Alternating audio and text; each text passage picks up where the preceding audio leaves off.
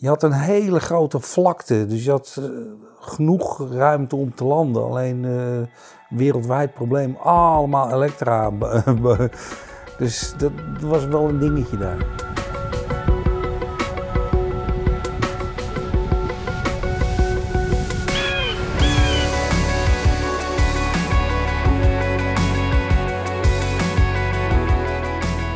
Hi, leuk dat je luistert naar Vliegpraat, de podcast waar het alleen maar gaat over paragliden en alles wat daarbij komt kijken.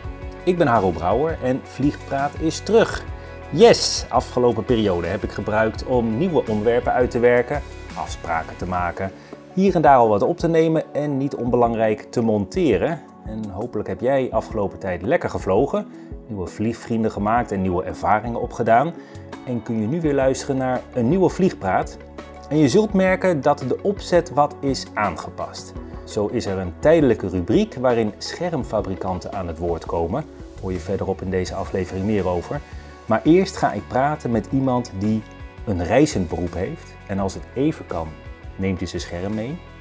En zo komt hij op vliegstekken overal ter wereld. Joost van Dam, welkom. Goedemiddag best een puzzel om een moment met jou te prikken. Ik had net een week Europa. Ik ben in uh, Athene, Manchester en Venetië geweest. Want jij vliegt? Ja, ja ik ben steward bij de KLM. En dat is uh, vijf dagen vliegen en dan twee dagen thuis? Nou, de Europa-cyclussen zijn uh, best wel zwaar. Dat is wel uh, vijf om twee. En dat is heel anders dan ICA-vliegen, waar, waarbij je soms vier of vijf dagen weg bent en dan zes of zeven dagen weer uh, thuis bent. We hebben een bepaald verzoekensysteem waar, waar je dus reizen op aan kan vragen. Maar door mijn afgelopen twee jaar heb ik zoveel eigenlijk uh, mijn zin gehad wat betreft aanvragen. Uh, Sao Paulo, Lima, een paar keer Mexico. Dus mijn teller staat nu heel hoog. Waardoor ik eigenlijk veel minder kans maak op de mooiere reizen. Ja, de, dan soar ik gewoon wat meer aan de kust in plaats van de, de mooiere reizen. Ja, want we zitten nu begin van de zomer 2022. Uh, eh, nu dus even in Europa, maar je gaat binnenkort wel weer over, intercontinentaal? ja, ik heb wel geluk. Over twee weken heb ik een uh, vijfdaagse Johannesburg. En dan probeer ik toch ook uh, de Magalisburg, dat is bij Hartenbeest Spoordam, te gaan vliegen met de kabelbaan naar boven. En twee richtingen, noord- en zuidrichting. Dus, ben je nu al helemaal mee bezig? Ja, ben ik nu al allemaal aan het uh, kijken. Het weerbericht, uh, 14-daagse weerbericht, uh, windverwachting, transport. Nou, gaan we het allemaal over hebben. Ja. Stel je even kort voor, gewoon algemeen, wie ben je? Nou, ik ben Joost de Nam, 59 jaar. En soor heel veel hier in Zandvoort. Ga ook af en toe in Wijkerzee. Daar zien wij allemaal filmpjes van ook op Facebook. Ja. Tik af en toe Langeveld de Slag aan. Af en toe uh, de Zoutlanden. Ik ben ook nog begonnen met uh, lieren. Ik, ik, mocht lid, lid worden in Bruinaar.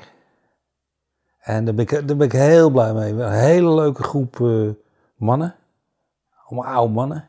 Voordat we echt lekker gaan praten, um, ja, heb ik vijf korte vragen. Mag je kort antwoord op geven? Dan leren we jou ook weer beter kennen. In welk jaar ben je begonnen met vliegen? Bij 92. Welk doel wil jij bereiken met paragliden? Zoveel mogelijk genieten en uh, gezond blijven. Bergvliegen, vliegen aan de lier of soren?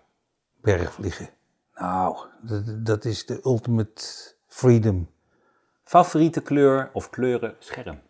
Heb ik niet. Welke, welke kleur heb je nu? Ik heb nu blauw en een witte. Dat zou je worst wezen. Ja. Wat is je spannendste vliegmoment tot nu toe? Mexico uh, onmeetbaar omhoog, plus 12. Plus 12 omhoog Plus 10, plus 12, niet, niet, niet, niet meer te registreren. Dan kon je je scherm nog wel uh, controleren. Ja, nou ja, ik heb daar ook wel behoorlijk wat dingen meegemaakt. Van je de Bravo? Nou, de, de, oh, dat ken ik ja, daar heb ik ook ooit een keer gevlogen, maar dat was vrij rustige condities toen. Pignon. Ja, dus niet bij het dorp. Die pukkel. Dat is een enorme soort uh, kanonskogel, maar dan, ja. Uh, ja. Nou, kijk, als je daar die oversteek naar het dorp maakt en je komt bij die Crazy Thermal Place, dat is eigenlijk best wel... Kijk, in, in december en januari is het nog wel te doen. Maar als je daar februari, maart komt, is, is het zo, zo thermisch. Ik kan daar ook niet meer landen om uh, twee uur. Dat is echt absoluut, dat gaat gewoon echt niet. Ja, of je bent uh, drie kwartier aan het spiralen en uh, dan ben je gewoon aan het gokken. Nou, ik, het is allemaal goed afgelopen, maar ik ben daarbij naar mijn scherm gevallen. Ik heb hem, ik heb hem zelf gestold, mijn eigen fout. Dus te veel breaks met een collapse. Om zeg maar alles onder controle te kunnen houden. Ja. ja. En ik uh, stolde de vleugel en ik val zo tussen de lijnen, net voor de leading edge langs.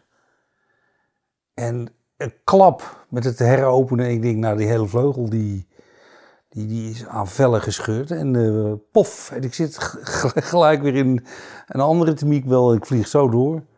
Je vliegt zo door. ja, nou vat ik nu ook een kuchje, een kuchje en uh, gaan. Ja. Goed, uh, eh, 1992 begonnen met vliegen. Ik zag, jij bent heel actief op uh, sociale media. Op Facebook zie ik je veel langskomen, allemaal mooie filmpjes. Uh, en toen postte jij iets over nou, 1992 begonnen en daar stond Kazachstan bij. Dat moet je even uitleggen. Ja, we hadden toen de tijd vrij lange stops in Kazachstan. Met de toen heette het nog Alma-Ata en nu heet het Almaty. En um, ja, ik weet niet hoe ik dat allemaal ontdekt heb, maar je, wij regelden gewoon uh, een taxi en gingen naar Oestkenoer. Dat is dan 40 kilometer buiten de stad. En uh, daar kon je waanzinnig mooi uh, vliegen. Jij vloog toen nog niet zo lang dus? Nee, in Rio heb ik het geleerd. Daar hadden we toen tijd tiendaagse stops en dan, dan vroeg je achter elkaar die reis aan. En eh, zodoende deed je de cursus, uh, kon je dat achter elkaar afmaken. En ben ik toch benieuwd, hè? had jij het paragliden, had je dat al wel eens gezien in Europa? Of, of hoe, hoe wat was voor jou de reden om zoiets te boeken in Rio? Om daar ja, ik was wel windsurfer en watersporter en op een gegeven moment had ik een passagier aan boord en die dacht, wat heeft hij rare schoenen aan en een rare helm als een handbagage. Dus ik raak met die jongen in gesprek en hij zegt, nee, ik kom net van de World Cup uh, paragliden in Oostenrijk en, uh, oh, dat vliegen. Hij zegt, uh, maar morgen kom ik je ophalen in het hotel en krijg je van mij een gratis tandemvlucht. En toen was ik gelijk verkocht. Toen heb ik gelijk. Nou ja, ja ik, ik heb een Portugese license toen gehaald, of een Braziliaans. En die hebben ze later overgezet, KNVVL.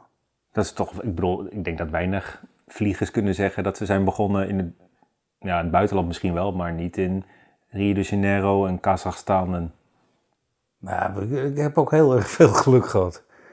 Met, met rare bestemmingen en met. Uh, dat het, dat het toch allemaal lukte en dat het allemaal is goed gegaan. En, uh, ik heb een keer bijvoorbeeld in Ethiopië bij uh, Debres Libanos, daar moest je ook, dat is een soort canyon, moet je ook weer een toplanding maken. Maar ik zakte eronder uit.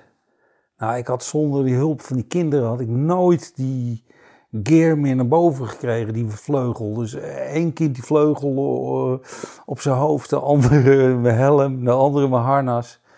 En zij blote voeten en ik gewoon uh, erachteraan. Vloog je alleen? Ja, ja, daar was helemaal niemand. Vlieg je vaak alleen?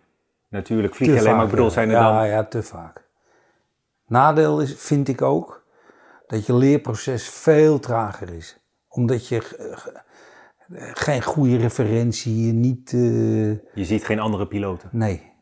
Ik vind het ook, het is ook veel moeilijker om in je eentje op bepaalde stekken dan thermiek te vliegen. Toen jij je opleiding had gedaan in Brazilië? Kon ik nog helemaal niks eigenlijk. Wat doe je? 40 hoogtevluchten van uh, Sao Corrado. Dus in acht, in acht minuten sta je beneden.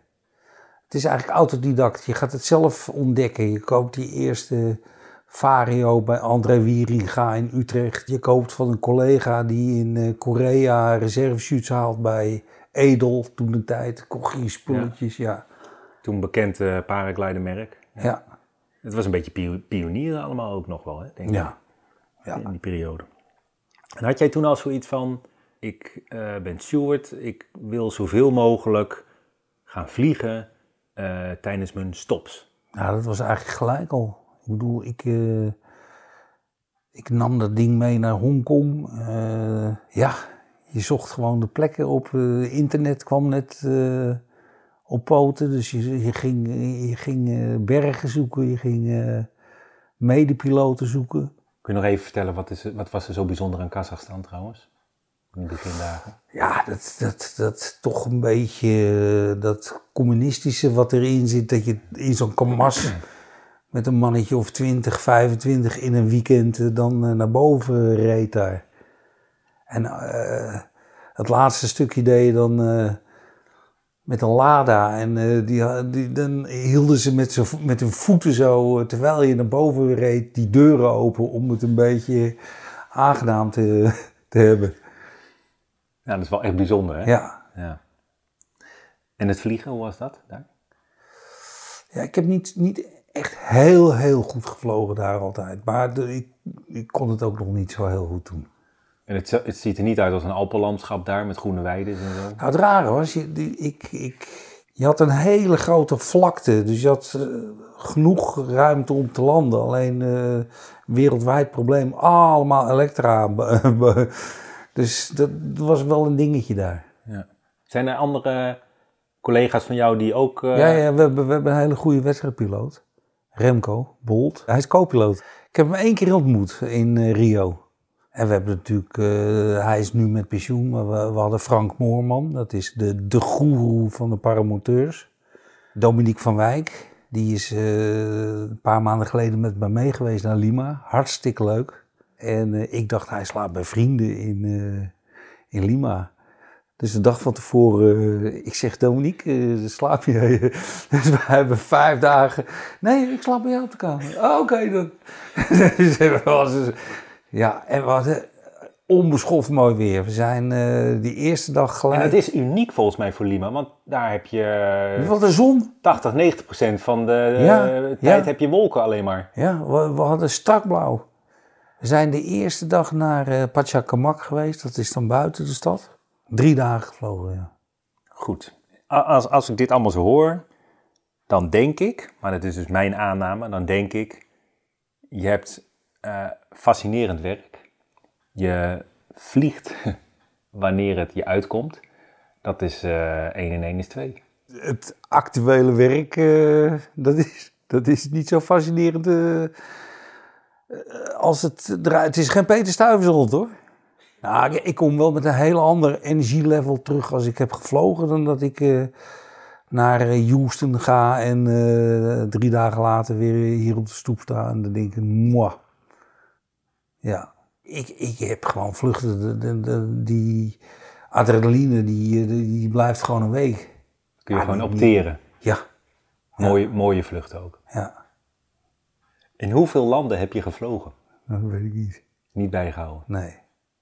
Ik moet e- eerlijk zeggen, ik, eh, ik was begonnen met alles te loggen. Dus ik, ik, ik koop die Skytrax en ik, eh, ik heel enthousiast. En eh, op een gegeven moment eh, denk ik, nou nee, dit, eh, dit wordt te veel.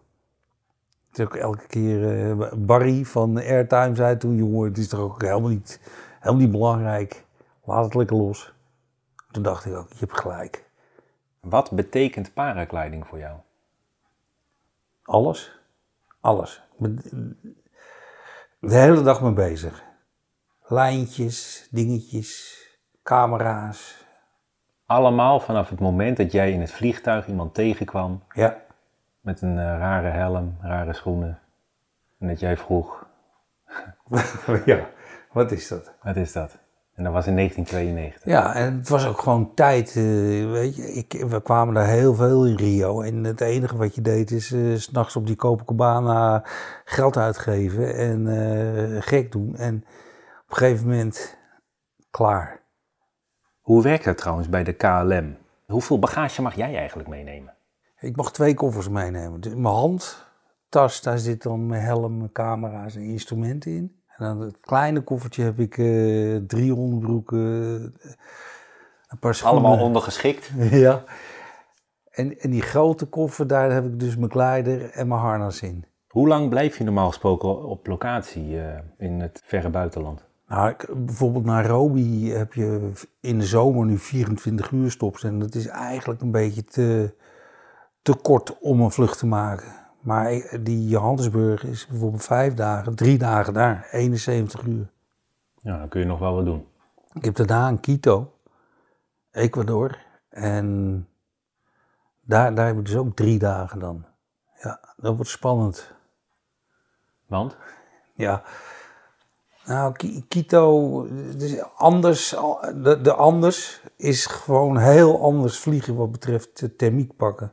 Omdat je al zo hoog start, is het eigenlijk eh, veel moeilijker om daar eh, goed thermisch te vliegen.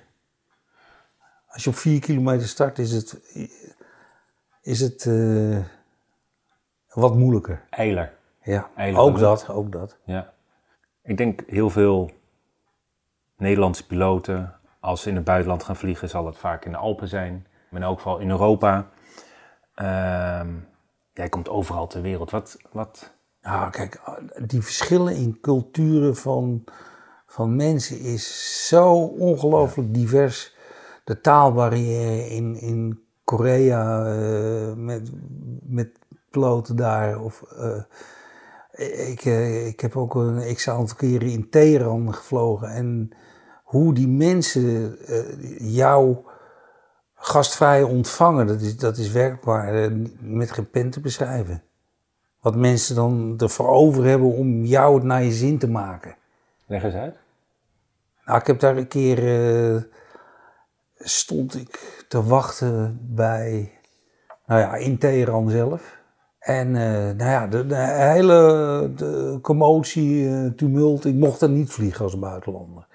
En dan zegt een een of andere hippe snowboard Iranees van ik breng jou nu naar Karachi, naar een, een stad verderop. En ik eh, met twee telefoons in de auto van eh, ja, eh, ik ben onderweg en wacht. En, ik kijk op een horloge en ik denk, oh, het wordt steeds later. En, dit- op een gegeven moment is het best wel ver weg. en, en hoe die het flikte, ik sta om half vijf daar in eh, Karachi op een berg. En ik denk, hoe is het mogelijk? Wat die jongen allemaal voor een moeite heeft gedaan. En ik, eh, Zodat jij een vlucht kon maken. Ja. Ik had toen net die nieuwe vleugel. Ik ben ook zes keer eh, misgestart. eh, Alles onder het stof. eh. en onder eh, zonsondergang met die minaretten. En, en, ja. en hij heeft nog geregeld dat ik met een soort lokale Uber eh, terug naar Teheran ben gegaan. Nou, dat is onbeschrijfelijk. En het, het lijkt me ergens, zeker in Iran, als, als Nederlander. Nou ja, Nou, ik, ik, ik wist ook niet dat ik zo ver zou eh, reizen die dag. Dus ik had geen eens paspoort bij me. Ik had alleen een KLM-ID bij me. Ik denk, och, het zal er als zal je dan aangehouden zou worden. Ja. Allemaal goed gegaan. Ja, maar wel fantastisch toch? Ja. Vliegen in Iran. Ja, hoeveel Nederlanders kunnen dat zeggen? Ja, was dat is ook een ongelofelijke ervaring. Ja, we hebben het gehad over, over, over de mensen. Hè. Dat lijkt me wel bijzonder. Jij komt natuurlijk jij komt op plekken waar het paragliden misschien nog... Daar zou je van staan te kijken. Want bijvoorbeeld dat, dat Iran, dat Teheran, de meeste Niviuk-schermen wereldwijd worden daar verkocht. We hebben geen idee hoe groot die markt in Iran is. Bijvoorbeeld eh, dat merk waar ik nu voor vlieg, de Da Vinci. We hebben geen idee hoe, in opkomst het is in, de- in het eh, Verre Oosten, in China, in eh, Maleisië, in Indonesië. Wat die afzetmarkt daarvan is. China ook gevlogen? China gevlogen, ja. Ik heb bij Shanghai gevlogen en eh, bij Beijing. Naar welke bestemming zou je je graag nog eens eh, inschrijven? Ja, Hongkong. Hongkong is, is bui- buiten dat het eh, mooi vliegen is, daar is het natuurlijk een wereldstad. Samen met eh, Sydney en, en Rio is, zijn dat wel de drie mooiste, gaafste, interessantste steden ter wereld. Voor, voor mij dan althans. Hè. Ik ken een stewardess en daar hoor ik wel eens verhalen van. Nou, dan ga je naar het buitenland en dan zit je met je collega's lekker in een hotel. Dan ga je eventjes een paar keer aan het zwembad hangen en een paar dagen later vlieg je terug. Maar uh, Joost zien ze niet zoveel dan? Nee, nee die zien ze met calling weer. nee, maar ik, ik ben ook heel eerlijk hoor. Ze hoeven voor mij ook niet mee, collega's. Want dan ben je, dan ben je zo uh, verplicht hun te entertainen, terwijl je eigenlijk uh, ja, zelf geconcentreerd en, en uh, ja, het wil meemaken. Jij bent actief op sociale media, dan zien we allemaal hele mooie filmpjes. Toen had ik het daar, vlak voordat we met de opname begonnen, had ik het daarover. En toen zei je, ja, maar... Nou ja, ik, ik, ik weet niet wat... ik weet het wel, maar ik weet niet wat Langeveld de slacht in, maar ik, vind, ik vind het hartstikke leuk. Kom, kom uh, probeer het. Weet je, maar ik heb echt ontzettend geluk gehad de laatste twee, drie weken dat ik twee keer bouwers heb kunnen pakken. Maar het is, het, ziet er makkelijker uit dan het is, echt. Ja, want je ziet jou altijd vaak heel relaxed, zie je in het harnas. En, uh, oh, je... Nou, maar de eerste, de eerste paar minuten boven bouwers dat, dat komt later pas, die ontlading en de, de, het, het, het los kunnen laten en het ontspannen in de schouders. Maar het traject er naartoe, uh, de hoogte maken bij bepaalde flatgedeeltes op die boulevard.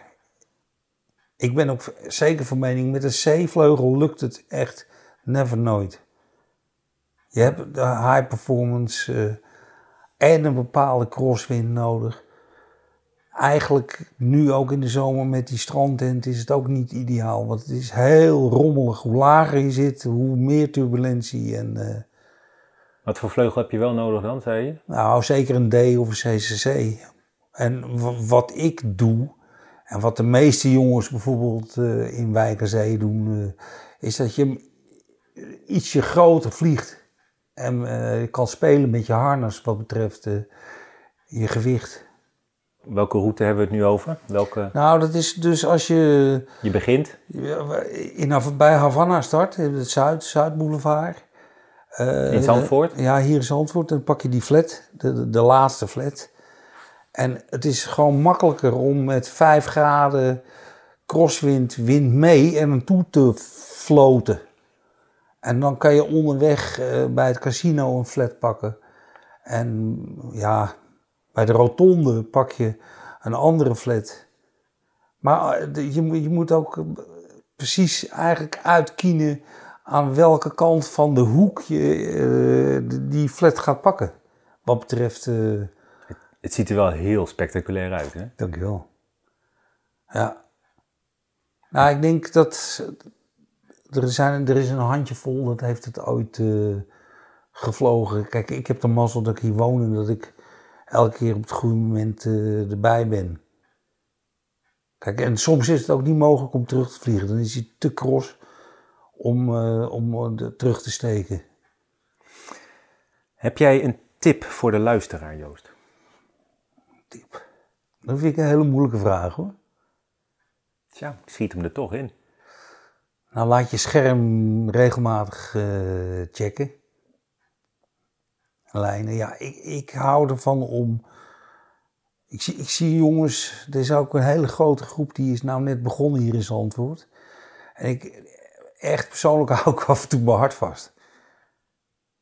Wat betreft inzicht en. zijn hele goede kaarters en de beste kaarters van Nederland.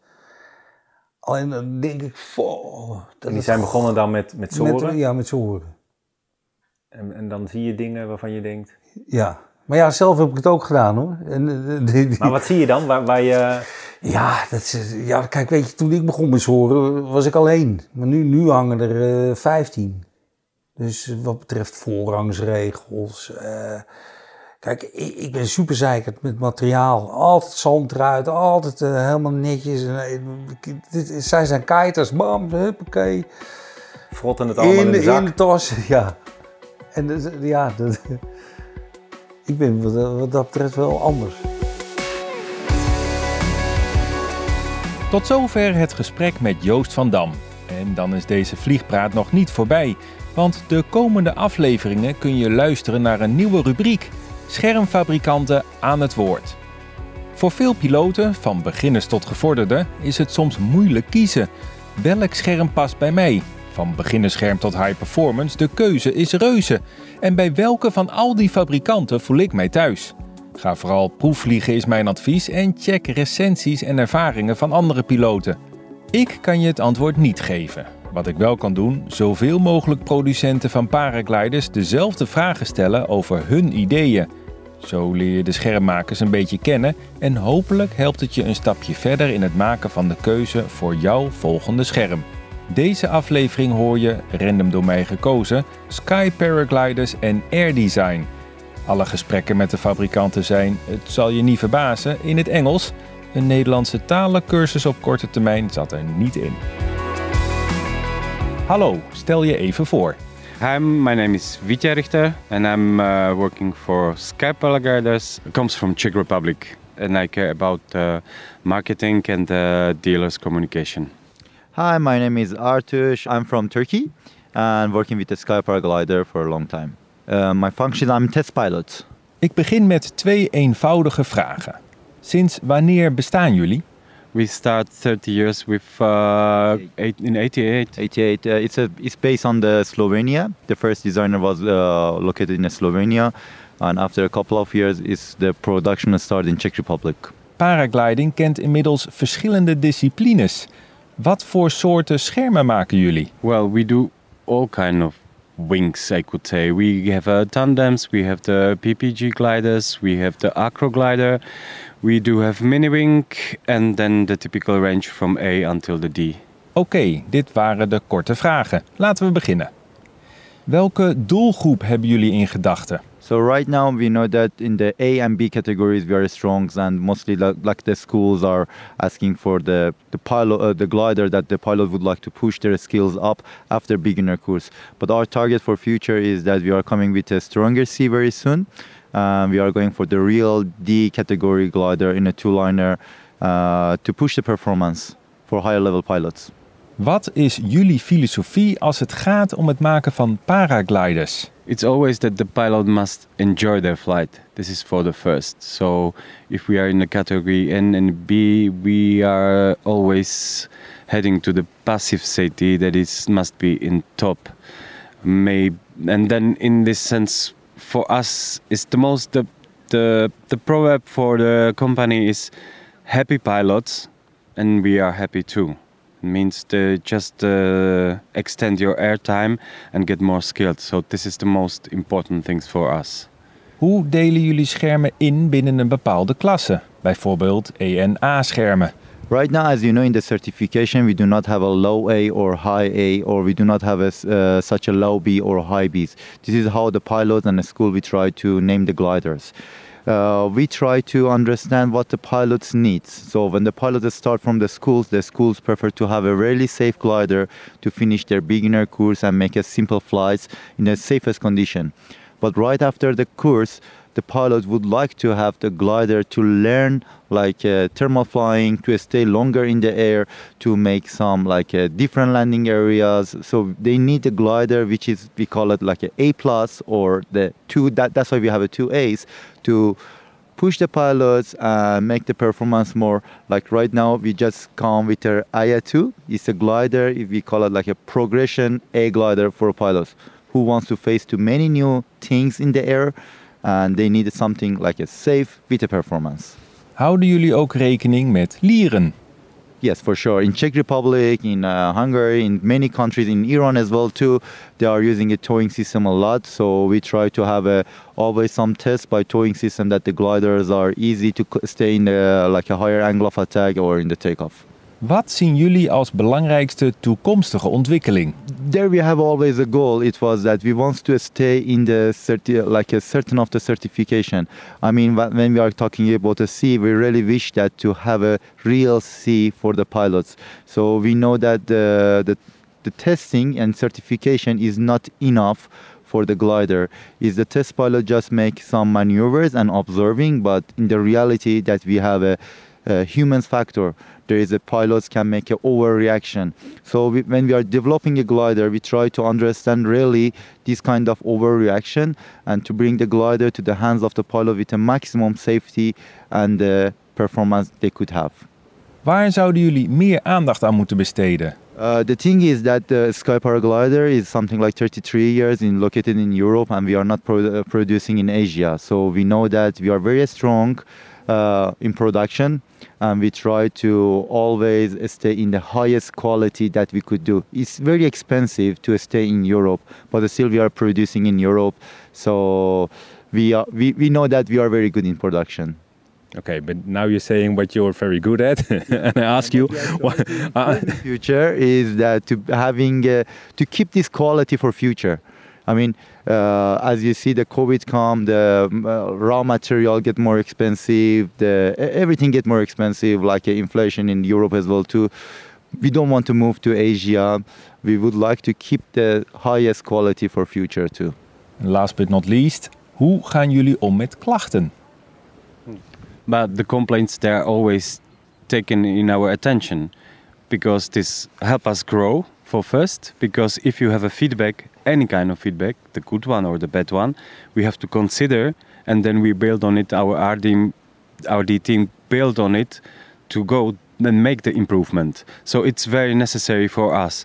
But uh, most of the time we really don't have uh, like uh, bad feedback. There are always uh, more uh, notices about what they would like to have uh, like futures. We never had, if I would say in a row way, like this was shitty glider or harness and I don't want to fly anymore. Or safety issues, any safety issues? The safety issues is is always good. There we never had some kind of uh, notice like uh, this would be bad reaction or something. And of course, if there is some complaint, uh, we want to we are in contact with the customer to ask him what happened what does the mass air around?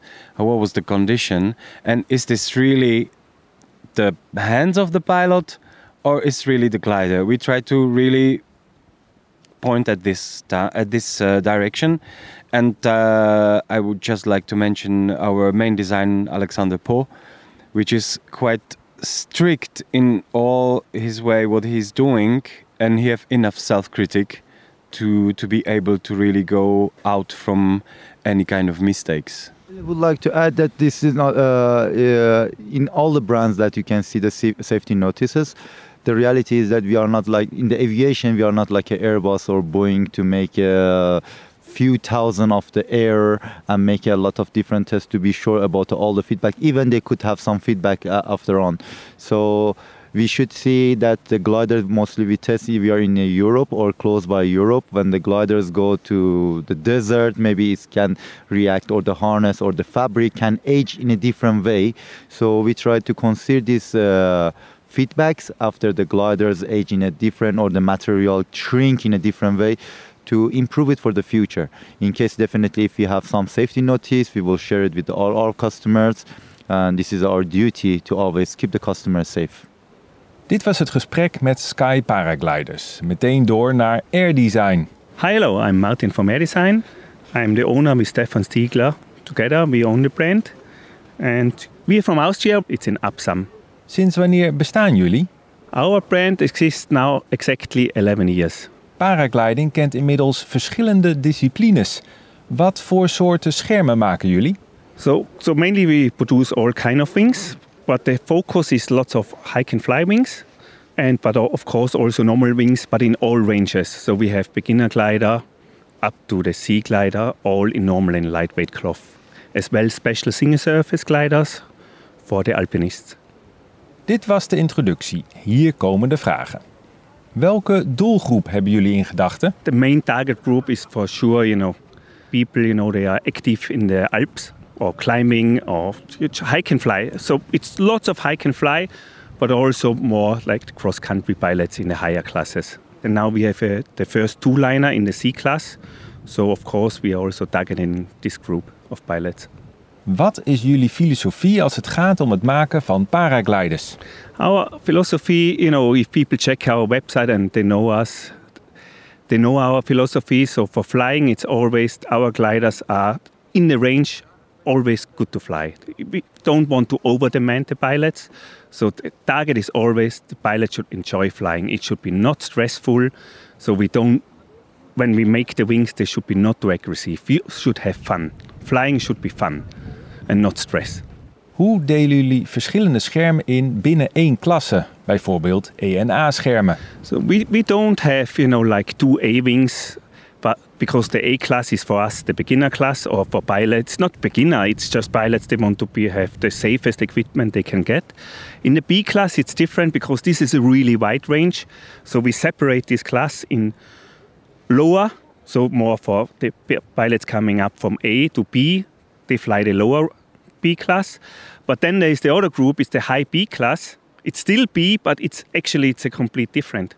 So actually it should be it's a class in between. If you fly a low B and a high B, it's completely it's a class itself. Even it's in the B range, but the gliders are to handle different. For example, you know you can make a A glider. It's super safe, but it's impossible to fly in a thermals. It, this is possible, but you know the separation people it's the feeling you have in flying in thermals and this is important the sensations you get so so the low b it's more a beginner glider but the high b it's really much more demanding especially in the thermals so you actually say when you are coming from e and a you shouldn't buy a high b i recommend to buy a low b you know of course it's there are people they fly a lot with the a-wing like they they make the course they have 60, 90 hours on the A-wing because they have lots of time. Some, they're very talented, they can handle a higher B. But normally I recommend the low B, stay safe and have fun. It's not the performance, you don't get the performance from the class, you only get the performance from yourself if you, if you train a lot. This is more important. Houden jullie ook rekening met lieren? Yes, for sure. We take winching in account. You know, there are lots of countries where they don't have mountains and they have to winch. And this we always have to test as well. Because there seems to be fewer and fewer lines on, on gliders, uh, leading to a higher load, I would say, and, and, and less suitable for winching, or am I mistaken? No, you know, like the new Volt 4, it's a two-liner. So, of course, we took it for winching as well. It was no problem in winching. But we know, you know, these are the the Elreed 8000 line, the Kevlar lines, they are not stretching so much. But there are wings on the market for sure. They get lots of pressure on the A and you have to check them. You know, that's why glider checks are here for trim checks. Less lines means check trim it earlier. Wat zien jullie als belangrijkste toekomstige ontwikkeling? I, I would say now the glider range you can get it's huge. You have so many kind of wings, you know, you have the single surface wings, you have the mini wings, you have the normal wings, you have the lightweight wings. The range is huge. So for some people it's already hard to choose what they want to get. It's already existing. I think what's important for the future, sure, we try to make the gliders always as safe as possible in its class. And for now, you you have lots of choices. So future developments, yeah, we'll see what the future get. Now it's more like the two-liner in the C class. Maybe there will be two-liner in the B class in a few years. But, you know, let's see what the future brings. Waar zouden jullie meer aandacht aan moeten besteden? There is, you know, as a company, there's always improvement. It never stops. You always, if you find the time, you can make improvements internally in a company to be more efficient. So yeah, we're always trying to find some improvements. And last but not least, hoe gaan jullie om met klachten? Sometimes, you know, we don't we get the complaints from our dealers if a customer complains, but there's hardly any complaints, luckily, so we're happy. And if there's a complaint, we solve the problem. And it's sometimes for a certain reason, and sometimes, yeah, you have to handle every problem customer asks for. Because I can also imagine sometimes it's also difficult for a brand because you don't know what happened to the glider. Exactly, yeah. You know, the, they, they say, yeah, the glider got this and this, and then you check the, the glider oh, got a rip just in flying, but then you check the lines and you see the line is not ri- ripped apart, but you can see, you know, he was pulling somewhere, and the, that glider doesn't break itself. It's load tested, it's shock tested, everything, so they're really strong. So something always happened. Some people tell the truth, and some try to get just something on warranty. But this is our job to find out what's going on. Je luisterde naar Sky Paragliders en Air Design. In de volgende aflevering hoor je weer andere schermmakers in deze rubriek. Tot zover deze aflevering van Paragliding Vliegpraat. Hopelijk heb je er met plezier naar geluisterd. Wil je vriend worden van de show? Dat kan eenvoudig. Via petjeaf.com kun je mij ondersteunen bij het maken van Vliegpraat. Dit platform voor contentmakers zoals ik heeft beloofd doneren nog makkelijker te maken. Een link vind je in de beschrijving van deze podcast. Met jouw hulp kan ik in mijn vrije tijd deze podcast blijven maken. Vertel je vliegvrienden over paragliding vliegpraat en abonneer je vooral op de podcast. Dan staat de volgende aflevering automatisch voor je klaar. En heb je ideeën of vragen? Mail mij. Harro Voor nu zeg ik mooie vluchten en tot de volgende!